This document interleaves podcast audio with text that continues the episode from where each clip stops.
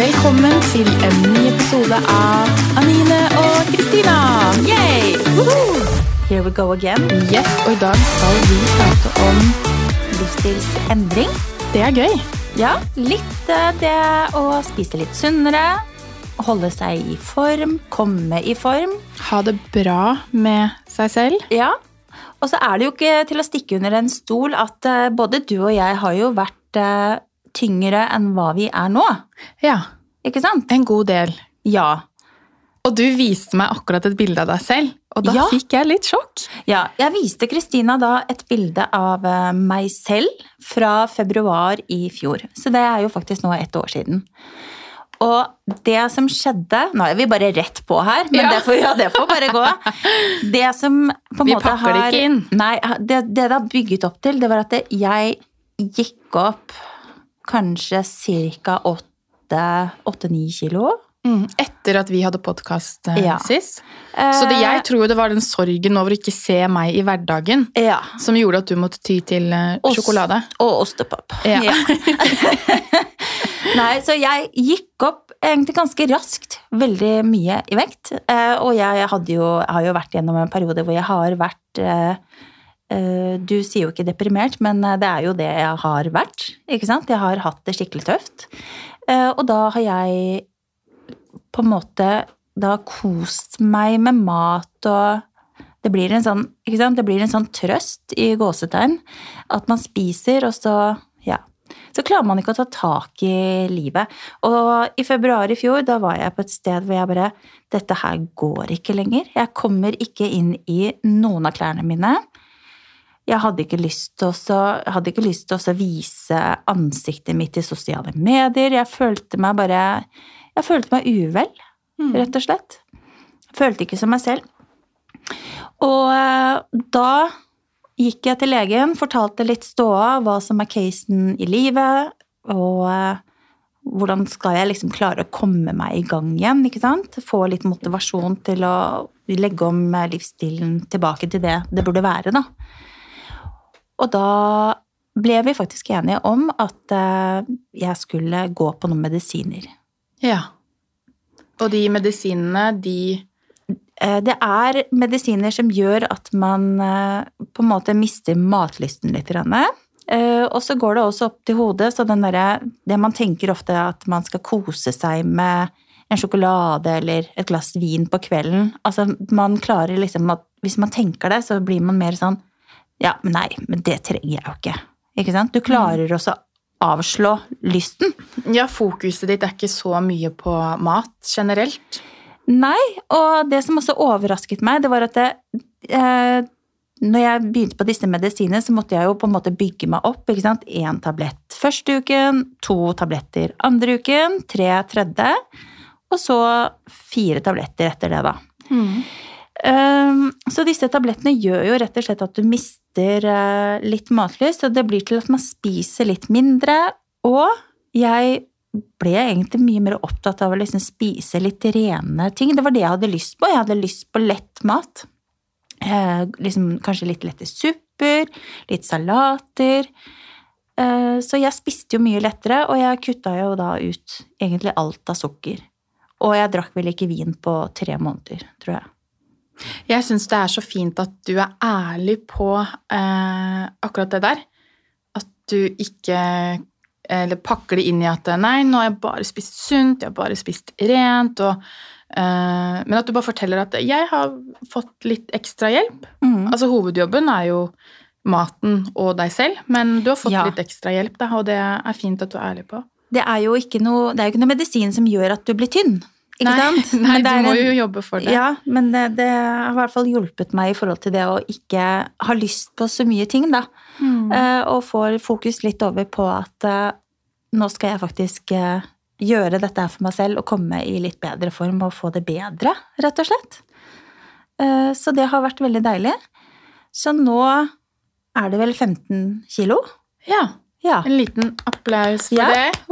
Så jeg har jo faktisk ikke vært så slank siden jeg giftet meg for eh, 15 år siden. Nei. Så det, ja, så det er deilig. Men du føler at eh, du er eh, på et bedre sted i hodet ditt også, når du føler deg mer komfortabel i kroppen. Ja, Mm. jeg gjør det, og så er jeg i bedre form, liksom. Ja, du orker litt mer. Ja. Du har ikke en halv eh, lunge som meg, som blir andpusten opp No. eh, Nei, men akkurat det derre med å trene og komme seg tilbake i form, det er jo også veldig mange som tenker at man må trene for å liksom komme seg på et bedre sted, da. Ikke Mm. sant? Og det er jo lurt, men jeg har ikke trent. Jeg har ikke hatt, uh, har ikke hatt noe treningsglede på kjempelenge. Og den, uh, den håper jeg virkelig bare kommer tilbake nå. Fordi jeg trenger å komme meg i form og ikke ha liksom vondt i ryggen og sånne ting. Så den treningen, den må bare, den må bare startes opp igjen. Ja, for du tidligere så har du jo trent litt. Ja, jeg trente jo liksom fem ganger i uka. Ja. Wow.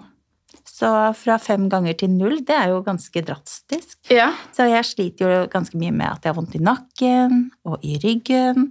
Og når jeg trener, så er jeg jo sterkere. Da har jeg ikke så vondt. Så, Nei, for det hjelper jo. Mhm. Trening er godt for mye. Så ja, så det er liksom eh, Jeg tenker det at eh, hvis man skal tenke på en livsstilsendring, da, ikke sant, så tror jeg det er veldig viktig å ikke være for streng med seg selv. Det er lov til å ta seg en sjokolade på en lørdag, eller et glass vin. Ikke? Det, man skal ikke tenke på at det, alt er fy-fy. Mm. For det, da tror jeg egentlig at man bare får mer og mer lyst på det. Mm. Ikke sant? Så jeg har jo vært der hvor jeg liksom har eh, veid hvor mye olje jeg skulle ha i panna for å steke kylling. Ja. Altså, ikke sant? Der har jeg vært før. Eh, og det hjalp jo ikke en dritt. Jeg kom jo ikke noen vei, Nei. ikke sant? Så, så jeg tror egentlig det også Man kan spise alt, men uh, med måte, da. Og hovedsakelig få i seg sunne, næringsrike ting. Uh, Jeg merker veldig godt forskjell på hvis jeg spiser litt mindre karbohydrater, så har jeg mer energi i kroppen. Jeg føler meg mer opplagt. Så hvis jeg spiser liksom to brødskiver, så ja, da blir jeg Da lagrer karbohydratene i kroppen seg mye mer, og så blir jeg Jeg blir daff og sliten, rett og slett. Så, men det er jo alle, alle fungerer jo forskjellig, ikke sant? Man må bare finne den måten som funker for seg selv. ja. Det finnes eh, mange veier til eh, Til rom. Yes. Nei, så det er liksom Det syns jeg er viktig å tenke på hvis man eh, skal gå inn i en type livsstilsendring. Så kan du ta deg litt ostepop eh, på lørdag eller søndag, ikke sant, og kose deg litt, men eh, bare Du trenger ikke å ta hele posen, Nei, det holder med litt, ja. og ikke annenhver dag. Og da må man jo lære seg det å begrense seg. Mm. Mm. Og det å klare å liksom komme dit, at man klarer å begrense seg, det er jo eh, Da føler man jo virkelig at man har litt kontroll, liksom. Man føler seg Yes! Jeg klarte det. Ikke sant? Mm. Så, så det, det, er veldig, det er veldig morsomt å se at man faktisk blir mer opplagt og blir en bedre versjon av seg selv, da. Ja. Og det trenger jo Jeg trenger å være det, for jeg er jo trebarnsmor. Ikke sant? ja, du trenger all energi som du kan få. Ja, jeg trenger å være, trenger å være on point, da. Ikke sant? Ikke gå rundt og være lei meg og nedfor. Fordi eh, ja, det er jo ikke noe vits i. Nei, og barna dine trenger jo å se at du har det bra. Mm. Mm. Det er viktig. Og det er, eh, det er flere som sender meg meldinger 'Hvordan går det med deg?' Ikke sant? Ja. Fordi jeg trenger eh, innimellom også trekke meg litt tilbake og bare kanskje være en uke off Instagram, da, for eksempel. Ehm, fordi at jeg trenger bare å hente meg inn litt. For hvis jeg blir for sliten, så da, legger, det er det liksom Det er det jeg legger vekk først, da. Så er det sosiale medier. Og det legger jo folk eh, merke til, selvfølgelig. Ja, De gjør det. Og så kanskje det kommer noen små drypp her og der med at eh, nå er ting litt tøft. Mm. Eh, og da det jo, blir man jo bekymra, selvfølgelig. Ja, skjønner. Og det, altså, at jeg har så mange mennesker som faktisk bryr seg om det, det er jo helt Ja. Men da er det jo veldig fint at du har denne podkasten hvor du kan fortelle åpent og ærlig om, om hvordan du har det. Ja. Mm, fordi det er jo noe som alle kan kjenne seg igjen i. Ja, altså livet går jo litt i bølgedaler, da. Det er jo sånn det er. Mm. Så Men jeg kjenner i hvert fall nå at jeg er på et bedre sted. Eh, Jeg spiser jo egentlig helt vanlig mat, men jeg spiser ikke så store porsjoner. Vi er litt småspiste, både jeg og Fredrik har blitt litt småspiste.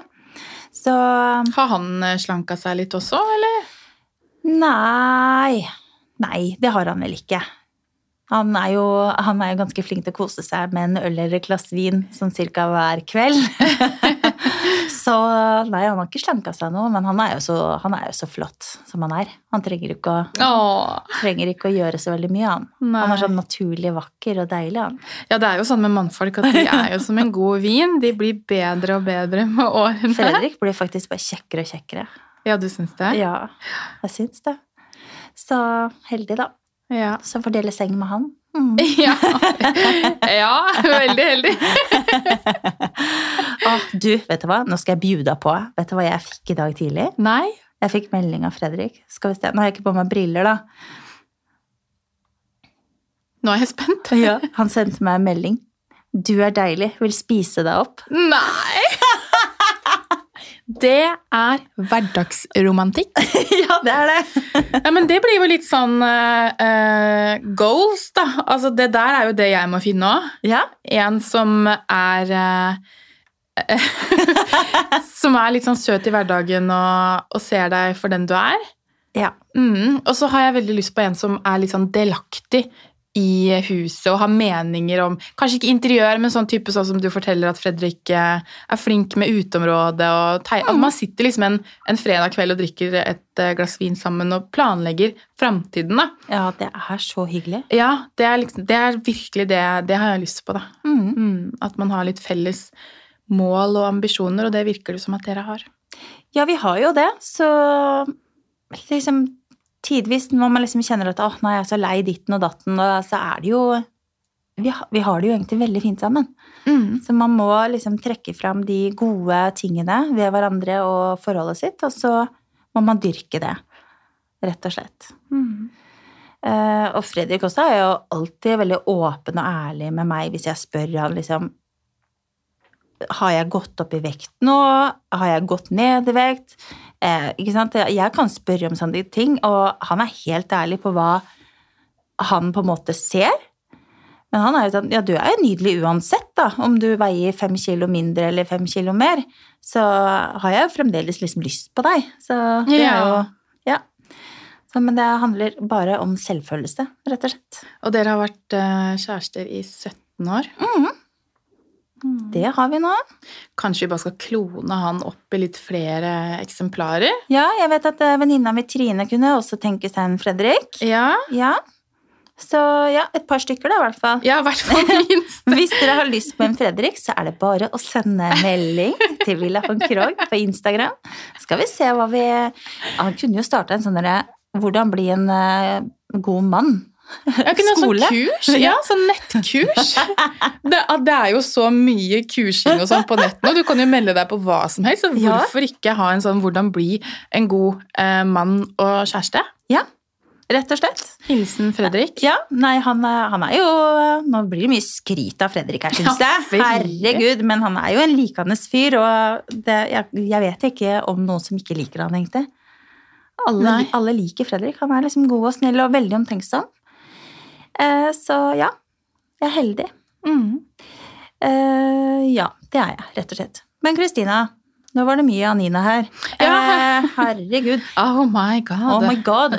Du også har jo vært igjennom en livsstilsendring i forhold til at du har hatt samlivsbrudd, du har vært mye syk, ikke sant? Du har jo også gått ned i vekt.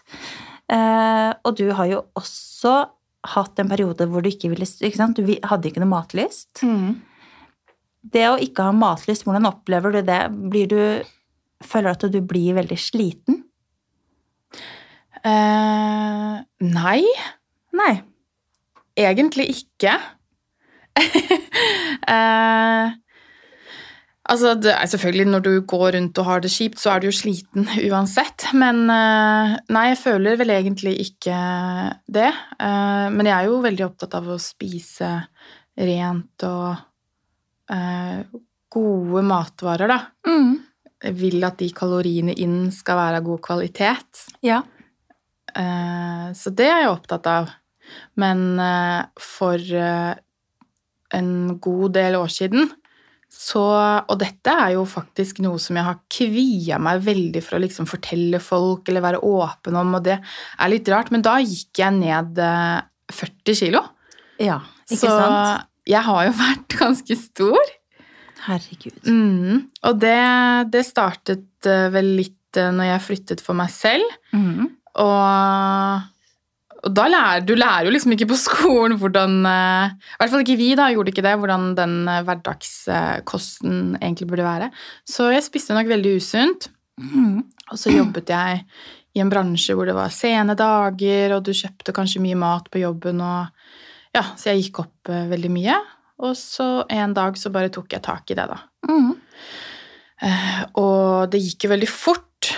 Uh, jeg tror jeg gikk ned de 40 kiloene på Det var under et år. Oi! Ja. Eh, det gikk ganske radig. Og guri land, det er jo helt sinnssykt, eh, faktisk, Kristina. Ja, det er nesten litt sånn jeg bruker det litt sånn i mitt eget hode litt sånn som en referanse på at jeg er en veldig målretta person, da. Ja. Eh, så det det startet med, var jo at eh, For det første så gikk jeg på vekta og fikk helt sjokk. Ja. Og bare 'Dette er ikke det mennesket jeg ser når jeg tenker på meg selv'. Nei. Og så begynner du å se bilder, ikke sant? litt sånn som du nevnte i stad, eller viste meg det bildet av deg selv da, fra februar, eh, Ja. hvor jeg nesten ikke kjente igjen deg selv, jeg heller. Eh, og da får du litt sånn du får litt sånn sjokk, så du har egentlig godt av det, da, å se, se deg selv uh, utenfra. Ja, absolutt. Um, og da kjente jeg at nå må jeg bare, bare ta tak, og så begynte jeg å trene styrke. eh, og så telte jeg kalorier. Mhm. Men så syns jeg vel egentlig ikke at den styrketreningen hjalp meg så veldig, fordi eh, jeg opplevde vel egentlig at jeg ble veldig sulten av å trene styrke. Ja. Så jeg endte opp med å um, telle kalorier og gå tur. Og den turen, da, det var sånn jeg gikk en time hver eneste dag, og det var nesten litt sånn terapi for meg. Mm. Helt fantastisk. Ikke at jeg hadde det noe dårlig eller var på noe dårlig sted i livet, men det er bare den timen der, da, alene på tur. Helt fantastisk. Så jeg anbefaler jo alle, da, selv om du har barn, eller altså enten stå opp en time før, bare ta på deg skoene når du kommer hjem fra jobb, eller sent på kvelden. Altså, det spiller ikke noe, bare kom deg ut da, og gå tur. Halvtime, time. Eh, du har så godt av det. Det er faktisk så deilig å gå tur, selv om det er vinter og, og litt sånn småkjipt vær. Eh, Du trenger frisk luft. ja, man gjør det. Og jeg kjenner faktisk det at jeg savner det å gå tur. Ja. Fordi når jeg var i barselpermisjon nå sist med Alfred, så var jeg jo ute på tur hver eneste dag. Mm. I hvert fall en time, ikke sant? Eh, og koste meg så fælt med å bare være ute. Og så kommer man tilbake til hverdagen, tilbake til jobb, ikke sant? Tre unger, og så tar man seg ikke tid til den derre egentiden, da. Eh, selv om jeg, klarer fint å dytte inn en time, ikke sant? Ja, den timen eh, eh, bruker du Hvis du skal gå gjennom Dette har jeg gjort litt i det siste, faktisk. Jeg skal komme litt mer tilbake til akkurat den, den måten jeg gikk ned i vekt på. Men eh, hvis du ser for deg hele dagen din, da. Du har 24 timer i døgnet. Og så kan du legge opp litt sånn Hva trenger jeg for at jeg skal ha en dag hvor jeg føler meg eh, skikkelig bra? Og for Mhm. meg så handler det om helst åtte timer søvn. ja. Eh, og hvis du skal eh, Det er åtte timer. Og så har du en arbeidsdag, det er åtte timer. Og da er det fortsatt så mange timer rundt der. Eh, og når du først setter deg ned og ser på TV, eller setter deg ned med telefonen, så forsvinner det så sinnssykt mye tid. Yep. At det er bare Ikke gjør det, liksom.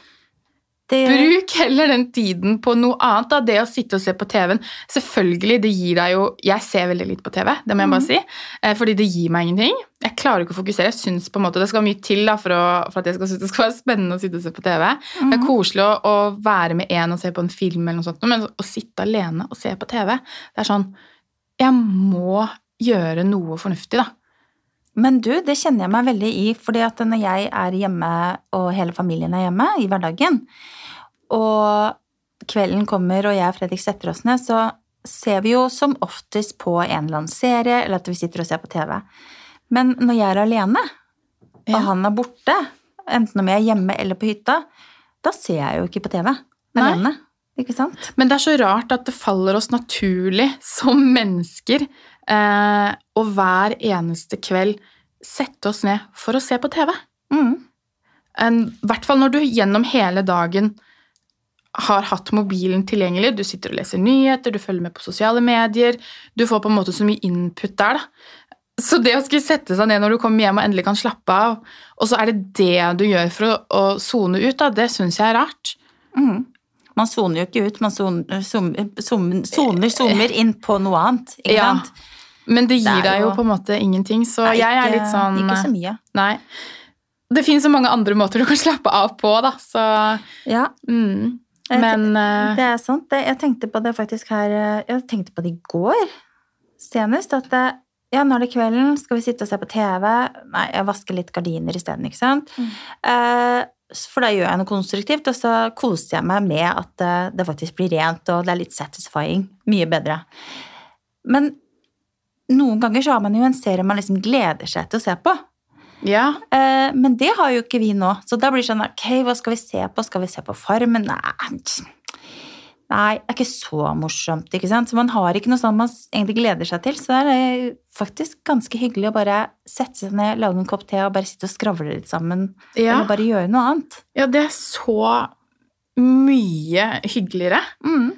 å bare være med den personen på en helt annen måte, da. Enn Ja. foran TV. Det høres ut som den gærningen som ikke ser på TV, men jeg ser på TV, men jeg prioriterer det ikke i hverdagen min, da. Nei. For det er som sagt den dagen, de timene, det, du må på en måte legge opp eh, eh, hva du ønsker å bruke de timene til, da. Mm. Og TV ligger ganske langt nede på den lista for Ja. meg. Ja, det gjør det for meg òg. Mm. Selv om det blir litt TV-titting, altså. Det gjør jo det. Men eh, vi har liksom blitt flinkere til det etter vi flyttet eh, inn i det nye huset, ved å bruke litt tid sånn på kvelden og ikke, ikke skru på TV.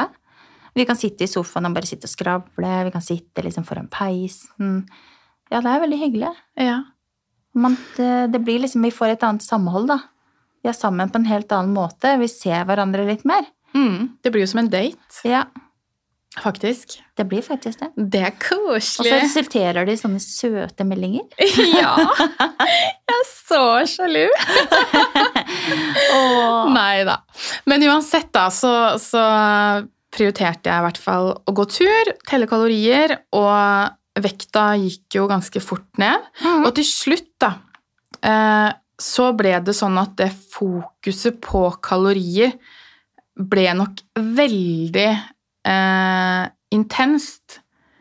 Så det tok litt over livet mitt. Er ikke det veldig slitsomt? Ekstremt slitsomt. Ja. Ehm, så det var sånn eh, Jeg sa nei til å være med på ting. Eh, jeg telte kalorier på alt! Mm. Det var helt, eh, helt ekstrem. Og til slutt så ble det bare mindre og mindre og mindre, mindre, mindre kalorier. Ja. Og til slutt så var det liksom nede på et nivå hvor du på en måte du fikk ikke i deg noe som helst næring. da. Men vekta gikk jo ned, så det, det var, da var det gøy. Og på et tidspunkt, da, så i og med at dette gikk så fort så Dette er ikke noe jeg anbefaler noen i det hele tatt, men jeg anbefaler jo selvfølgelig å ha, få en oversikt over kalorier inn og kalorier ut. Men til slutt så ble det sånn at jeg fikk kommentarer fra eh, Da husker jeg jeg drev jo nettbutikk. ehm, og fikk liksom kommentarer fra sånn, på sosiale medier og fra kunder og sånn bare sånn Er du syk? Å ja. Eh, hva er det som har skjedd? Har du tatt slankeoperasjon? Eh, hva er det du har gjort, liksom? Mm. Og de tilbakemeldingene var eh, De var ikke noe hyggelige. Nei. Det var ikke noe sånn 'du stråler', 'gud, så flott du er blitt', eller noe sånt. Det var bare 'dette går for fort'. Mm. Har du blitt syk? Mm. Så, så det var litt rart, da. Men uansett så gikk jeg ned de 40 kiloene, og så går man jo selvfølgelig litt opp og litt ned, og så har jeg jo da i ettertid lest meg veldig opp på eh, hva kroppen trenger, da. Eh, Helene Ragnhild, Mm. eh, hun jo, har jo egen podkast, hun også. Hun er jo veldig opptatt av kvalitet på maten, og at du, du skal spise for tarmen og Ja. jeg syns jo sånt er utrolig spennende.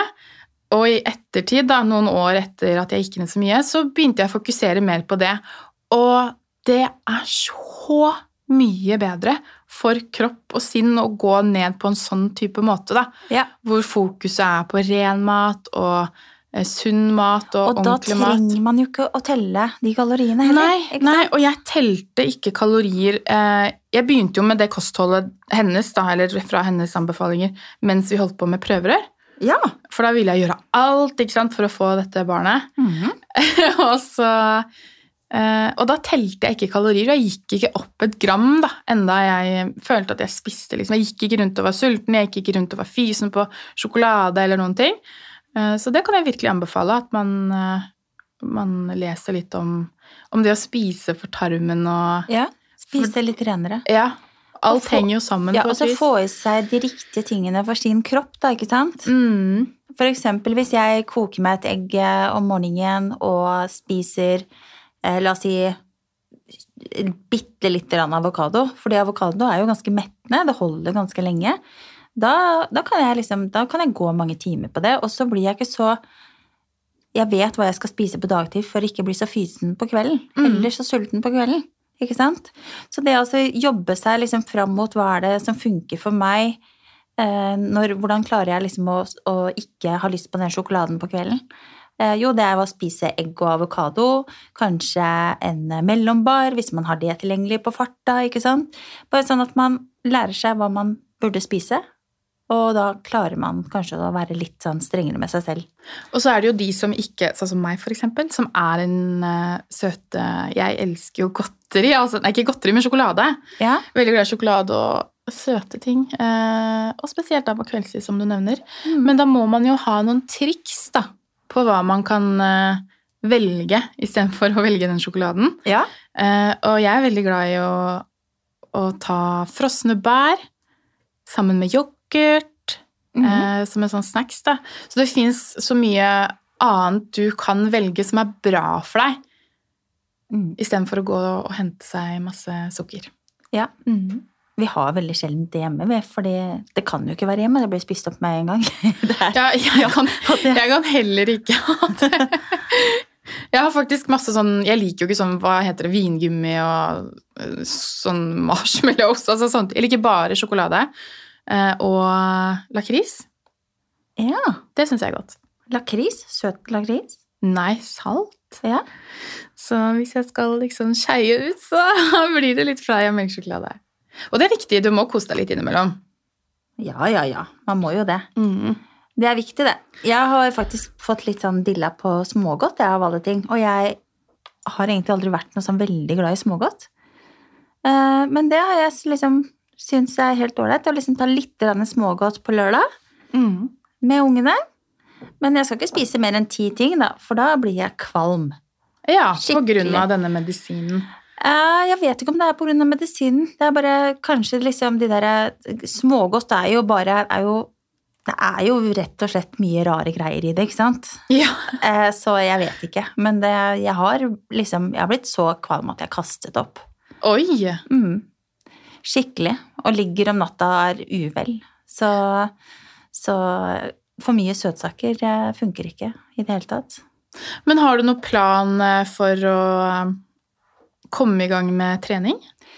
Du, vet du hva? Jeg, eh, jeg er Jeg har liksom tenkt veldig lenge at nå skal jeg dra på eh, treningssenteret. Men dørstokkmila har vært så Den har vært vanskelig å komme over. Altså. Eller jeg har ikke kommet over den ennå, liksom. Nei. Uh, Skal jeg dytte deg litt ut, eller er det ja, jeg, jo, jeg tror egentlig det. Mm. Uh, så jeg må bare Jeg må komme dit hvor jeg bestemmer meg. Og bare Nå drar jeg! Jeg veit at formen er så drita dårlig. Det gjør ikke noe. Her er det bare å begynne small steps, baby steps. Og så, etter en stund, så blir man sterkere, man føler seg mer opplagt, og de vondtene i kroppen Kanskje de forsvinner litt, for jeg er litt lei av å renne ned døra til kiropraktoren. Mm. For du har vondt i nakken? Mm. Veldig vondt i nakken. Kjempeanspent. Så rart. Veldig stiv. Mm. Så, så jeg trenger det. Og det, er ikke, det handler ikke om liksom at jeg skal trene meg opp for å se mm, sånn og sånn ut. Det handler om at jeg må ta vare på meg selv og komme meg i bedre form, rett og slett. Og få litt mer overskudd. Ja, jeg følte veldig på det etter lungeinfarktet at eh, jeg, eh, det gikk ikke så veldig lang tid før jeg dro på trening. Det var kanskje tre uker. Mhm. Eh, kanskje ikke helt anbefalt. så Kanskje ikke det. Du burde vel kanskje ha venta litt lenger. men det bare var sånn eh, intenst behov for å bare kjenne at kroppen fungerer. Ja. Eh, så det var viktig for meg å komme meg på trening. Og så har jeg liksom fortsatt det. Det går jo selvfølgelig opp og ned, ja. men jeg føler meg når jeg drar på trening eh, og, kroppen, og bruker kroppen, så kjenner jeg at jeg føler meg sterkere. Eh, jeg sover bedre, jeg får mer overskudd i hverdagen. Mm. Og så er det en mestringsfølelse, det å f.eks. se at du klarer å løpe lenger eller fortere, eller Det er jo så morsomt når man ser eller kjenner progresjonen. Veldig. Det er jo Jeg husker det var en periode hvor jeg begynte å løpe. Jeg har jo aldri vært noen jogger, egentlig. Men så begynte jeg å løpe med en venninne, og det gikk på fra ikke løpe i det hele tatt til å klare å løpe en mil. To uker! Ja. Altså, ikke sant? To Hva uker. gjorde du da? Du, da løp vi annenhver dag. Eh, og så løp vi annenhver gang intervaller, og liksom Og så løp vi ja, La oss si vi løp tre kilometer, og så tok vi fem kilometer. Og så løp vi intervaller annenhver gang, da. Mm. Så ja. Så de intervalltreningene som på en måte egentlig var ganske harde, de gjorde jo til at vi fikk mye bedre kondisjon ganske raskt. Ja, for det anbefales jo hvis du har lyst til å bli en jogger, eller hvis du har lyst til å bli flinkere til å løpe, så skal du løpe intervaller. Mm. Men ikke bare det, Nei, nei. tror jeg, da. nei men for å klare å løpe en mil, så er det i hvert fall anbefalt at du, at du innimellom løper intervaller. Mm. Så, Så det var veldig... da gjorde du det helt riktig. Ja, vet du hva, det var så gøy, fordi vi ble liksom Altså, vi var to om det òg, ikke sant? Det var sånn Herregud, vi klarte fem kilometer uten å stoppe! Yay! Ja, for dere løp sammen Ja. hver gang? Ja. Og det klarer ikke det? Gjør det ikke det? Nei, gud. Du må du prate med den personen du løper med, da. Men vi klarte jo ikke det, vi hadde så dårlig kondis. Ja, jeg, hadde følt, jeg hadde følt et press hvis du og jeg skulle tatt en løpetur. da. Så da kjente jeg at det stresset meg veldig, fordi jeg liker å høre på musikk. jeg liker Ja. å være i min egen verden. Noen ganger så har jeg kanskje lyst til å bare gå, gå litt. Andre ganger har jeg lyst til å bare løpe masse. Ja. Og så skulle jeg tilpasset meg til deg. da, Vi som er i forskjellig, altså Jeg er jo ikke i noe bedre form enn deg, det er jo ikke det jeg sier, men man er liksom på forskjellige, forskjellige steder. da. Ja, ja. Nei, vet du, jeg, jeg, vi var eh, liksom på samme sted, så det var eh, Det var ikke noe, helt- Dere løp like fort, og det, Ja. men dere prata ikke sammen mens dere løp? eller gjorde dere det? Ikke noe særlig. Ok, nei, for da, da er det kanskje da er det litt annerledes. For det er jo det jeg har tenkt at når man er på løpetur sammen, så må man prate. Ja, nei, jeg ser jo veldig mange som er ute og jogger sammen, og de altså, det, er, det er som at de sitter på kafé og tar en kaffekopp liksom, og skravler. Ja, de gjør det, ja. Ja, og det, der er ikke jeg, altså. Nei. Eller jeg har aldri vært der. Så ja, jeg sliter litt med å prate når jeg løper, for um, formen er ikke så Den var ikke så god, men eh, ja. Jeg håper jo at eh, når vi spiller i neste episode, så håper jeg du har tatt litt tak i det her og tatt noen økter på gymmet. Mm man, det er litt harry å si gymmet. Jeg skal på gymmen. på treningsstudio, at du kjenner litt på den mestringen. Og, og så er det jo sånn når du går ned i vekt, så blir jo kroppen blir jo slappere. Det Ja, henger litt her og litt her, og jeg som sagt, jeg har jo ikke ja, jeg har ikke fått fylt opp med noe silikon, selv om det ble anbefalt med 260 gram. Nei, nei, jeg bare tuller. De er ikke så ille, de, altså. Men, eh, men det er jo viktig å trene for å, for å stramme opp litt da, etter at man har hatt en vektnedgang. Det er så sant. Altså, den jeg, jeg er ikke noe misfornøyd i det hele tatt, men eh, det er litt slapt her og der. Og den rumpa Den har begynt å sagge litt, liksom. Ja. Og det er jo. Ja. Jeg vet jo at den skal synke med 13 cm i løpet av et liv. Men, er det eh, så mye? Ja. Men kan du ikke kjøpe sånn truse med rumpepute inni?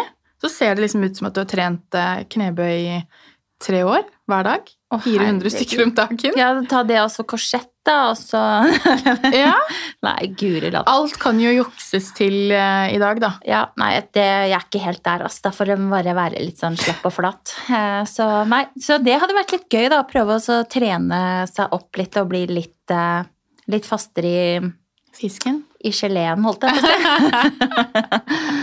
ja. ja, ja.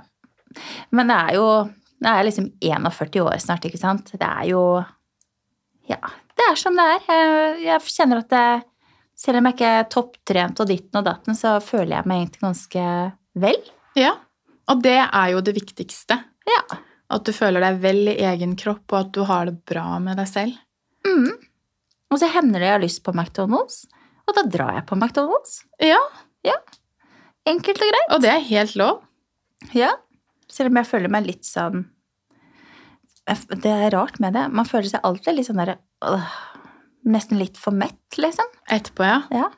Ja, men så tror jeg det er viktig at du har en sånn 80-20-holdning. At du har 80 eh, ting som er bra for deg. Mm. Det gjelder jo generelt i livet også. Mm. Men, men når det kommer til kosthold, så 80% bra mat som gir deg noe godt i skrotten. Mm. Og så har du 20% som du på en måte kan eh, velge litt fritt selv, da. Ja, ta det i, den, så, deg litt. ja, i den såkalte dessertmagen. Ja, Om Ja. det er et glass vin eller to eller tre eller en flaske, eller om det er is eller McDonald's, det, det spiller ingen rolle, da. Nei, det er sant, det. Vi lever bare én gang. Så ja, så det er jo spennende. Du har jo virkelig Du gikk jo veldig, veldig mye ned. Eh, og det er kanskje, kanskje noen av lytterne våre også liksom ønsker å få et lite eh, ja, et dytt i riktig retning, da. Ikke sant? Mm. Hvis man ikke er helt der man har lyst til å være. Så det er mange det som ikke helt klarer å ta tak i det, på lik linje som jeg også sleit veldig nå siste runde. Ja, men jeg tror det er litt med at du ikke helt eh, ser det selv før det har gått for langt. Det er veldig sant. Eh, sånn som jeg nevnte i stad, at du, når du først ser det bildet av deg selv, da, hvor Mm. du bare Hva er det som har skjedd? Ja. Det bildet som jeg refererer til, det kan jeg egentlig legge ut, så kan dere se. Da ser dere jo at jeg er litt rundere i kjakan, og Ja. det, det er jo greit nok, det, men uh, da var det faktisk uh, en venninne av meg som tok bilder til en uh, reklame. Julianne, naboen. Jeg husker jo veldig godt at du la ut den, for vi hadde jo, jeg hadde jo også samarbeid med denne leverandøren. Så jeg husker jo veldig godt, men jeg tenkte ikke over det da, når du la ut bildet. Nei, Men når jeg ser det nå, så tenker jeg herregud. ja, det er jo forskjell, ikke Det er sant? forskjell, ja. Og man ser det ofte veldig godt i ansiktet. Mm. Eh, Så ja, så da, og da når jeg så på de bildene som Julianne hadde tatt, så bare ok. Ja, og da, da var jeg allerede på et sted hvor jeg ikke ville filme meg selv. Jeg ville ikke vise meg fram. Altså, jeg, jeg, var, eh, jeg var rett og slett ikke Jeg var ikke meg selv, jeg, Nei. liksom da. Verken eh, på den ene eller andre måten, for å si det sånn. Eh, Så da, da tenkte jeg bare nei, nå, nå er det nok, Anine. Nå må du faktisk ta deg sammen og gjøre noe som er bra for deg selv. For dette her er jo virkelig ikke bra. Jeg var på vei til å Ja, til å Jeg, jeg klarte jo Jeg hadde jo ikke klær, liksom, som passa. Nei. Nei, Man merker det jo selvfølgelig på klærne når man begynner å legge på seg, men jeg tror man tar noen valg i eh, klesveien også som gjør at du på en måte unngår litt problemet, da. Mm. Eh, og du unngår kanskje å se deg sånn ordentlig i speilet. Så mitt beste råd da, til folk er jo bare ta bilde av deg selv. Og bare se deg selv ordentlig. Hvis du føler at nå er jeg på en vei som, som ikke er helt meg, eller nå føler jeg meg ikke som meg selv lenger. Og bare spar på det bildet, og ta tak i det, da. Eh, se på hva du spiser. Kanskje begynn å telle litt kalorier for å få en oversikt over hvor mye du faktisk får i deg. For da veldig ofte så kan du få litt sjokk av det. Mm. Eh, og jeg sier ikke at du skal telle kalorier fast, men nei da, man men- må ikke det. Nei, man må ikke det, men hvis du, hvis du tar en typisk dag for deg selv, og så teller du over, og så ser du hva er det jeg faktisk får i meg, Ja. da får du en sånn uh, innsikt da, på, på, på hvor mye Eller hvor det går gærent. Ja, og det er det veldig mange som ikke gjør. De har ikke oversikt over at de faktisk får i seg 2300 kalorier. Eh, Og hvis de skal ned i vekt, så bør de kanskje ned på 1800, 1500, alt ettersom, ikke sant? Eh, Så det å liksom være litt oppmerksom på faktisk hva, og få litt mer kjennskap til det, så, så slipper man jo egentlig unna med å drive og telle kalorier. Da Ja. blir man jo liksom litt vant til hva man skal spise. Ja, du får litt mer eh, kontroll over det. Du lærer deg det litt, da. Men harde fakta er jo faktisk at det, det er eh, Altså, kalorier er kalorier, da. Så hvis du kan spise 1800 kalorier, så mm. spiller det egentlig ikke noe rolle hvor de kaloriene kommer fra. Så om du spiser sjokolade, så skal du ikke føle at det, Shit, nå har jeg ødelagt alt. Nei, nei, nei. For det handler jo bare om mengde. Mm.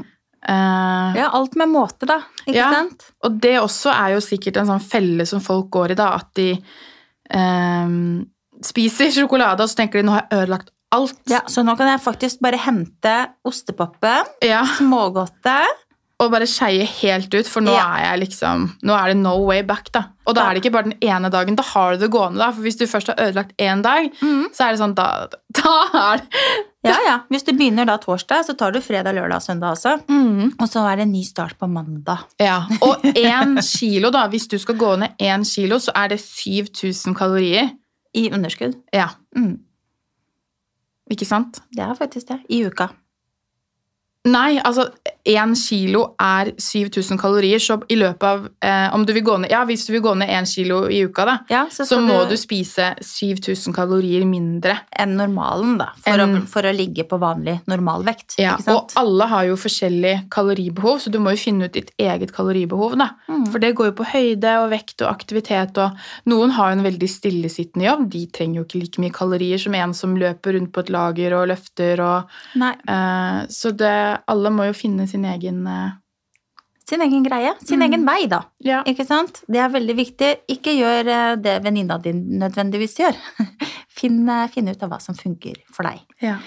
Og jeg må jo si det at jeg har ikke nevnt i det hele tatt det, i sosiale medier at jeg har liksom holdt på å slanke meg og gå ned i vekt.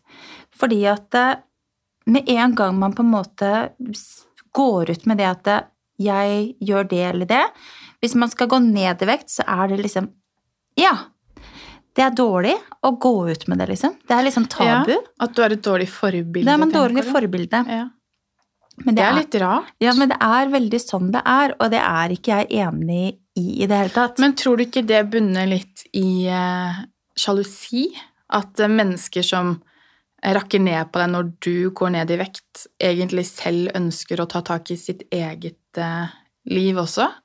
Dette, det er en sånn hårfin balanse på det her, for at de som kanskje går opp i vekt og, og er stolte av det, de, blir jo, de får jo litt sånn applaus. Mm, ja. Ikke sant? De kan få applaus og bare Ja, men kjempefint, du er fornøyd med deg selv sånn som du At du har gått opp ti kilo. Det er bra.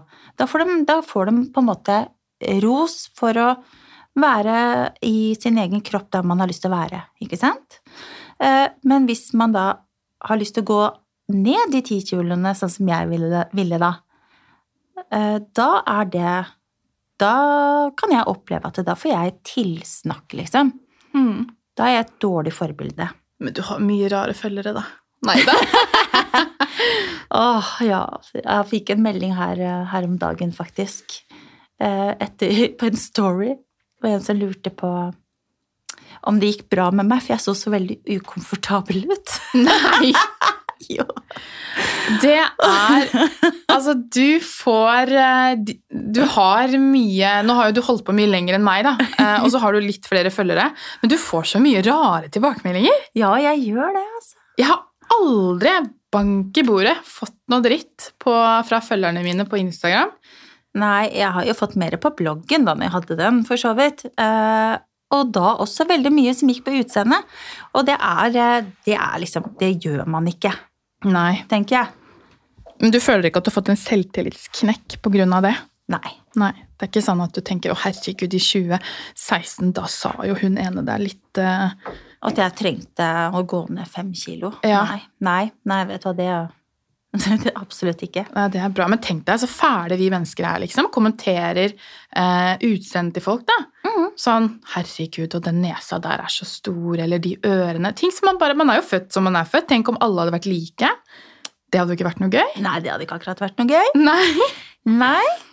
Nei, altså Det er jo veldig ulikt hva man foretrekker, og hva man ønsker å være. Så, og all respekt til de som har lyst til å være store, for eksempel. Ikke sant? Mm. Det er jo de som vil det òg. Ja, jeg, men jeg har ikke noe ønske om å rakke ned på noen, da, uansett om de er tynne eller tjukke eller høye eller Nei, men nå har jo både du og jeg eh, vært relativt store også, Ja. ikke sant? Vet ikke om jeg tør å legge ut det før-bildet av meg selv, jeg. Det er, jeg var jo så stor. Nei, men Kristina, det er jo ikke noe galt i det.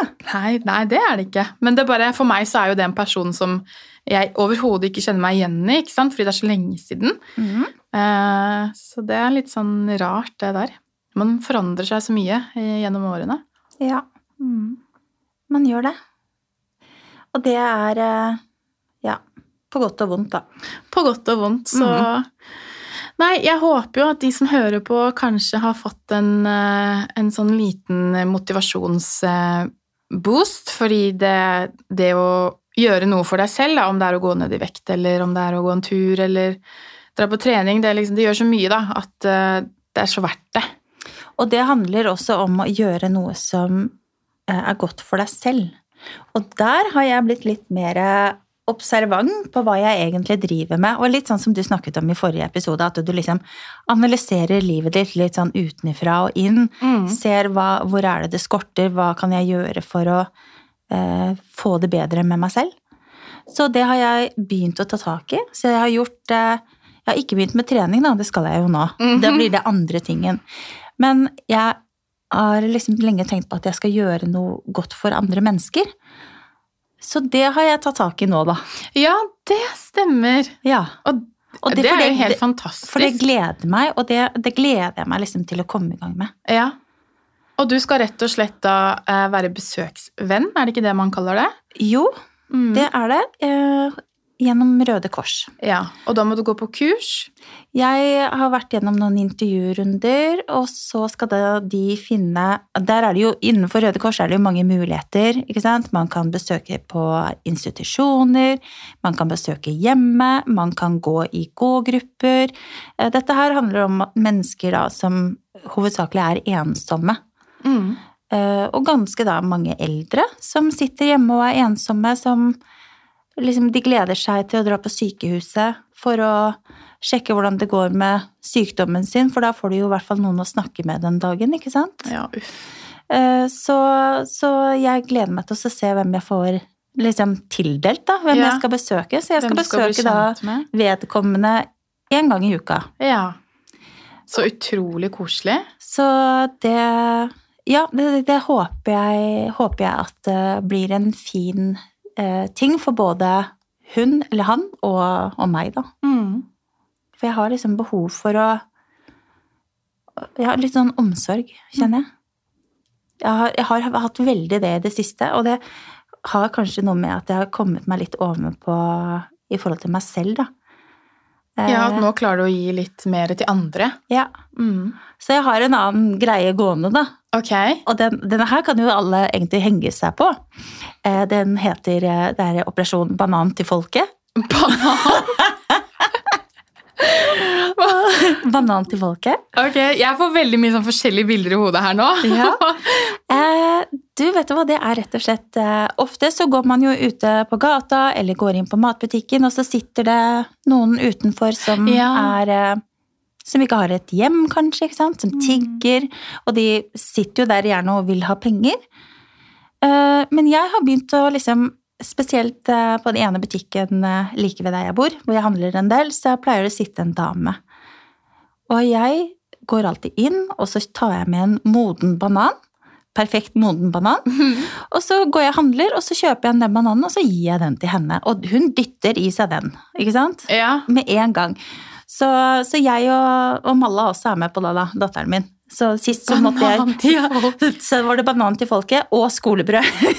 Ok. Ja. Ja, men vet du hva, det syns jeg vi alle skal eh, lære litt av. Eh, Så neste gang vi går på butikken, og hvis det er noen utenfor Ja. eh, som trenger kanskje litt ekstra her i hverdagen, så skal vi kjøpe en banan ja. og ta et bilde med hashtag på stories eller på Ikke, feeden. ikke bilde av vedkommende, da, men nei, bananen. Nei, av bananen. ja. eh, med hashtag eh, 'banan til folket'. Ja, og det som er bra med banan, det er jo veldig sunt. Ja. Ikke sant? Og det metter litt, så en banan slår aldri feil. Ja. Nei, så, så det er jo også en ting i forhold til det å liksom ja, komme, gjorde seg selv litt, grann, da, om man kan si det sånn. Det er å, som du snakket om, eh, gå litt utenfor og se litt inn. Mm. Hva er det jeg faktisk må ta tak i for å, få en bedre hverdag og bli en bedre Anine. Ja. Jeg reiste jo på ferie alene, jeg, Ja, i romjula. Og det er noe av det beste jeg har gjort for meg selv, ja. faktisk. Det var helt nydelig. Hvor er det du var da? Spania? Ja, jeg var i Spania. Altså, man kan jo på en måte diskutere litt hvor mye utenfor komfortsonen jeg gikk, for jeg har jo vært der før, og mamma og pappa har hus der nede. Men eh, for meg så var det en sånn skikkelig mestringsfølelse å bare hente ut bilen og kjøre bil alene der nede. Mm. eh, og bare være alene. Og du får tid til å virkelig reflektere over ting, da. Mm. Eh, Og kjenne på savn og Ja. takknemlighet for de tingene man har. Ja, i Som man på en måte mm, glemmer litt i hverdagen, da. Ja, så det kan jeg virkelig anbefale. Du trenger ikke å reise til, du trenger ikke å liksom sette deg på et fly eh, alene, men bare det å eksempel den turen jeg nevner, da. Mm. At du får litt tid for deg selv, det gjør nok at du at du setter litt mer pris på ting, og at du får muligheten til å tenke litt mer over ting. Da. Ja. Så, men veldig koselig å reise på ferie med meg selv. Så nå Ja. har jeg lyst til å reise til Italia alene ja. og bare ja, utforske det. Ja, drikke litt god vin, kanskje, da. Ja, drikke litt god vin og eh, gjøre ting på Altså, når du er alene, da. Generelt da når du reiser på ferie. Mm. Jeg har jo reist på ferie med barn og mann og familie, og det er alltid noen å ta hensyn til. Mm. Så når du reiser alene, så kan du bestemme selv når du skal sove, når du skal stå opp, hvor du skal spise, når du skal spise, om du vil spise. Mm. Eh, så det liksom Det blir en helt annen frihet, da. Det blir skikkelig ferie. Jeg har prøvd meg på det en gang, jeg også, men det gikk ikke sånn veldig bra. Jeg dro hjem etter et døgn. Du, det husker jeg faktisk. Du Ja. dro til Spania, og så Ja. var det ikke noe som skjedde som var ganske ubehagelig. Jo da, jeg eh, var eh, Jeg gikk eh, fra leiligheten vår ned til Skulle gå ned til et sånt veldig koselig frokoststed som jeg skulle gå og kose meg, og jeg var jo gravid med Alfred.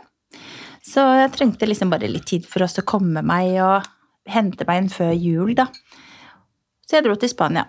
Og jeg gikk da nedover der, og så kommer det en eh, mann på motorsykkel som kjører eh, opp forbi meg egentlig feil kjøreretning, for det er enveiskjørt. Så jeg tenkte jeg bare ja, ja, motorsykkel, han kjører jo hvor han vil, liksom. Tulling. Og det er jo så smale gater, ikke sant. Det er smale gater, og så er det jo gjerder på alle hus, ikke sant. Du kommer jo ikke Det er ikke noe sted å gjemme seg.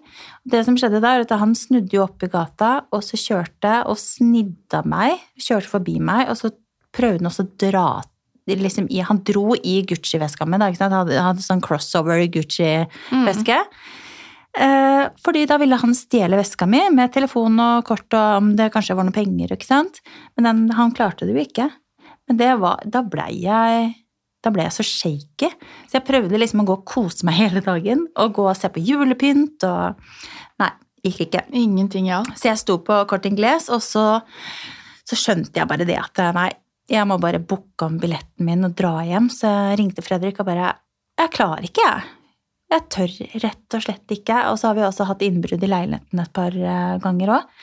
Så jeg tenkte bare Skal jeg tilbake der? Sove der alene? Nei, det går ikke. Nei. Adios, Spania. Det er jo litt sånn Spania er vel kjent for litt sånn eh, kriminalitet på den måten der. Vi hadde jo også innbrudd i sommer mens vi var i huset. Ja, dere hadde det? Ja, har jeg ikke fortalt deg det? Nei. Nei, ok. Nei, vi, eh, jeg dro ned sammen med sønnen min og mamma og pappa, og så lå jeg og Christian nede da, på, på rommet der, og så lå mamma og pappa oppe, Ja. og så våkner vi liksom opp eh, eh, på morgenen, og pappa kommer inn til meg og bare ja, det har vært eh, innbrudd her, da, men det var jo jævlig ålreite tyver, fordi de, de la igjen eh, eh, pass, eller jeg husker ikke, da, for de hadde jo eh, Veska til mamma lå ute. Å ja. Ja, Og så tenkte pappa gud, for noen ålreite tyver, for de hadde lagt igjen så mye, da. De hadde liksom ikke tatt noe særlig. Nei. Eh, og så går jeg liksom litt rundt, og han går litt Og så ser jeg på pappa, og så ser jeg at han eh, Det går opp et lys for han. At jeg ser liksom hele han bare eh, bli stressa. Eh, og da har jo han kjøpt seg en helt eh, splitter ny BMW X6, eh, som han har i Spania. Eh, og så ser han bare på oss og bare Hvor er eh, bilnøkkelen? Oi, oi, oi. Og så går han ut på parkeringsplassen, og bare Bilen er borte. Mm. Og da har jo de eh, tatt bilen. Ja. Så jeg skjønner jo veldig godt at de ikke brydde seg om de der Gucci-brillene eller noe sånt. For det sto jo en bil der som de kunne ta med seg. Ja, så de cruiset av gårde i den, og vi meldte det jo inn til politiet og sånn, og den, de hadde jo tatt eh, mobiltelefoner og sånn i huset ved siden av, så den bilen blei jo Jeg tror den sist blei sett i Malaga, eller Ja. ja, nedover den veien der. Jeg mener det var det. Men i så fall, da, et par måneder etterpå, så er det noen som legger ut et bilde da, fra en ulykke. På Facebook-gruppa for, for det området da, i Spania som vi har hus. Eh, og det var jo bilen til pappa. Nei. Da, da hadde karma, de, liksom. Ja, da hadde mm. de kjørt tilbake da, til Det var liksom bare noen meter unna huset. Eh, Herregud. Kjørt den bilen tilbake, for de bodde jo sikkert der. Og cruisa rundt der og krasja, da, rett og slett. Så de ble jo tatt. Herre min hatt. Så det er liksom morsom Det er ikke en morsom historie, men det er i hvert fall en, Ja, ja. en det er- historie. Det er en historie. ja. Det er en historie. Så, nei, Spania er kjent for litt sånn Så hvis man skal reise på ferie alene, så må man jo selvfølgelig ta litt sånn eh, Være litt forsiktig. Ja. Mm. Være litt kjent i området du skal i. ja. Man tenker liksom morgen i Portobanus, liksom. Det er ikke så farlig det, å gå ned til frokosten. Men uh, det kan jo skje hvor som helst. Når som helst. Mm. Så ja. Men uh, ferie alene, det høres, uh, det høres helt nydelig ut. Mm. Kunne tenkt meg det selv, jeg. Kan anbefales. Mm. Så det ble jo en litt sånn avsporing fra livsstilsendring, men det var jo en del av det å finne seg sjøl. En del av reisen, bokstavelig talt. Ja, en del av reisen. Ja. Så Nei, men det er bra. Jeg tenker eh, vi skal jo eh, i denne podkasten så skal vi jo også snakke om litt sånne ting som ikke bare er så alvorlige, da.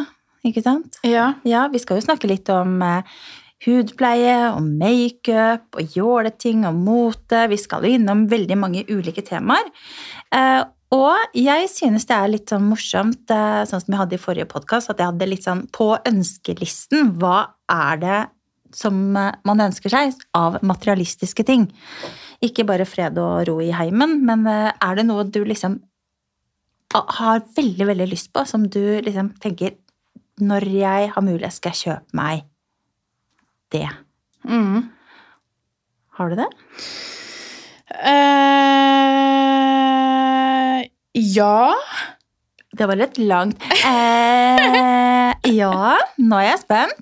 Hva er det Kristina Skjevik ønsker seg? Hva Nei, er på ønskelisten? Altså, ja, men det, er, det er jo en materialistisk ting, men jeg ønsker meg virkelig en, eh, en reise, da. Ja. En flott reise. Mm. Eh, har så veldig lyst til å dra til Maldivene. Å ja! Ja, og det er jo krisedyrt. Men Ja. du vet jo at det blir jo borte. Maldivene forsvinner jo. Mhm. Så jeg har lyst til å oppleve det, da. Ellers så har jeg jo Jeg elsker eh, Simmermann-kjolene. Ja. Så, og de er jo så dyre. Så jeg, selvfølgelig er jo det øverst på ønskelista, er jo eh, en kjole derfra.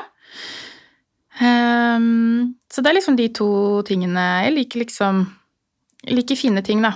Ja. Men jeg har ikke noe sånn Å, jeg ønsker meg denne Fros-lampen, eller det har jeg ikke akkurat nå i livet. For jeg, syns det Ja. Jeg liker hjemmet mitt, men akkurat klær og vesker og sånn, det Det får man egentlig aldri nok av. Nei. Ikke sant? Så jeg har skjønt at du er litt sånn Hvilken veske skal du velge neste gang? Men hva, hva har du på lista di? Du, vet du hva, jeg har faktisk en veske. Da kan vi jo ta den. Eh, Jeg ønsker meg en hvit eh, YSL-veske som er sånn passe stor, med, som er crossover. Egentlig ganske sånn plain, fin, som kan brukes til alt. Nå har jo ikke jeg veldig mye vesker, så jeg trenger en ny veske, faktisk. Eh, Så da har jeg liksom sett på ulike vesker. Hva er det jeg kan eh, ha til mye? Ja. Ikke sant? Eh, At den er litt eh, enkel og tidløs og passer i fargen til egentlig det meste. Jeg er avhengig av det, i og med at jeg ikke har liksom 20 ulike vesker å ta av. Mm. Så det har jeg skikkelig lyst på. Men den er jo grisedyr, da, ikke sant? Mm. Eh, Så det er ikke bare å gå og dra kortet og så smile. Man må jo jobbe litt for det. så ja, så det står egentlig øverst på ønskelista. Og så har jeg eh, som en god nummer to Det er ikke en materialistisk ting, men det er faktisk eh, en ting som jeg har hatt lyst til å gjøre lenge, men ikke tatt meg råd til, og det er en øyelokksoperasjon. Oi! Ja. Den så jeg ikke komme. Nei. fordi jeg har begynt å få ganske tunge øyelokk, og det plager meg. Og på kveldstid så sitter jeg alltid liksom og så drar opp øyelokket, og så føler jeg at jeg nesten er litt sånn våt og svett eh, liksom under øyelokket. Så, altså, så det plager meg litt. Men er ikke det noe du kan snakke med legen din om? Eh, jo, men jeg får ikke det dekket. Nei. Så jeg har, eh, har vært inne på konsultasjon, og jeg har egentlig bestemt meg for å gjøre det. Men jeg må bare ha, ha råd til det, rett og slett. Det er ikke noe jeg tenker over at du har. Nei. Nei, det er jo, det er jo ingen som eh, kanskje tenker over det Eller man ser liksom ikke etter sånne ting hos andre, Nei. ikke sant? Man gjør jo ikke det. Men eh, jeg merker det, i og med at jeg er veldig glad i å sminke meg med øyeskygger og sånt nå, så har jeg liksom merket at de siste årene så har øyeformen på en måte blitt annerledes. At det, at det går veldig mye ned, da. Mm. Så det er ikke så gøy å sminke seg som det var for ti år siden. Ikke sant? Så, og så har jeg noen venninner som har gjort det. Mamma og pappa har jo gjort det. Så jeg vet jo at det er jo ikke noe det er ikke noe hokus pokus. Det er egentlig ganske enkelt. Og ja. Hva koster det? Der hvor jeg har vært, så er det vel Jeg tror det var 23 500, for å være sånn Ja. konkret. Ja. Hæ. Så vi får se. Ja. Så det ønsker jeg meg eh, Det ønsker jeg virkelig å, å gjøre. For å liksom Ja. Når jeg sitter her nå, så kjenner jeg at jeg er liksom våt oppå øyet. Det er jo ganske irriterende. Mm. Men det kan jeg kjenne at jeg blir òg, at sminken liksom samler seg over øya. Men jeg kan liksom ikke si at jeg har tenkt at jeg vil operere det. Nei, men du har, du har på en måte ikke sånne Altså, mine går helt ned til øyevippene. Ikke sant? Det gjør ikke dine. Nei. Nå sitter jeg og drar i øye, øya mine. Nå skal dere se på meg. Jeg må også se på Ja, ja, ja. Nei, så det, det ønsker jeg meg. Mm. Ny væske, nye øyelokk. Eh, ja, hva mer kan man be om? Egentlig. Jeg lurer jo litt på om vi har lagt inn det her sånn avslutningsvis for at du vil eh, at Fredrik skal høre det. Ja, men Fredrik har fått hørt det. Tro meg. Og senest i går så satt han ved Vi har kveldsmat en gang i uka. Eh, Det er veldig hyggelig. Da sitter hele familien og spiser sammen, for en gangs skyld. Så den han og så på meg og bare Men Anine, jeg ser liksom ikke helt problemet. Jeg bare, nei, det er veldig hyggelig at du ikke du ser det, men det gjør jeg. Mm. Så sånn er det bare. Mm. Og jeg, jeg, jeg, liksom, jeg føler veldig på det. Irriterer meg. Så ja. Sånn er det. Jeg tror den 40-årskrisa, den har kommet, kanskje. Ja. Øy, nye øyelokk og Ja. mm. Nei, men det er helt innafor, det. Man må bare gjennom det. Ja, ja. Må man, så må man. Altså, man må jo ikke, men eh, jeg har lyst til det, da. Så ja. Så kommer jeg sikkert til å få litt sånn kjeft på Instagram. Ja, det tror jeg. Nei, Ja. Jeg vet ikke hvordan folk reagerer på det der. Men eh, nei, jeg så ikke den komme på ønskelista. Det gjorde jeg ikke. Du er jo så perfekt som du er. Tusen takk. Du òg. Ja, takk. Så da tror jeg nesten vi bare skal runde det av der før det kommer frem noe mer. Og så har jeg veldig lyst til altså Nei da. That's it. Men eh, ja. eh, Det var, eh, det var to dyre ting da på ønskelista mi, og det var to dyre ting på ønskelista de også. Mm.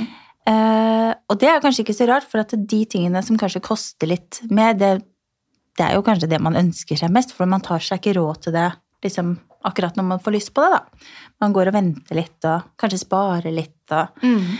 Eh, Men neste gang, Kristina, da tenker jeg at vi skal snakke litt om eh, hudpleie og makeup. Og da tenker jeg at vi skal ha med da våre topp tre favorittprodukter som Ja. vi skal dele med våre lyttere. Det eh, gleder jeg meg til. Jeg har jo slitt med eh, skikkelig akne, Ja. så det kan vi prate litt om. Mm. Jeg har noen gode tips i ermet der, vet du. Ja. Ja, men det blir kjempegøy. Mm. Og eh, da tenker jeg at vi bare runder av eh, denne dagens podkast. Jeg. -hmm. jeg skal ikke synge denne gangen. Nei, Det er det Kristina som skal gjøre. nå har ikke jeg pugga den sangen, så det, det går dessverre ikke. Men jeg kan eh, avslutte med at eh, vi sier eh, sayonara. Snakkes neste uke. Ja, og folkens, gjør noe hyggelig for dere selv. Gå den turen. Og ha en nydelig, nydelig uke videre. Ha det. Ha det!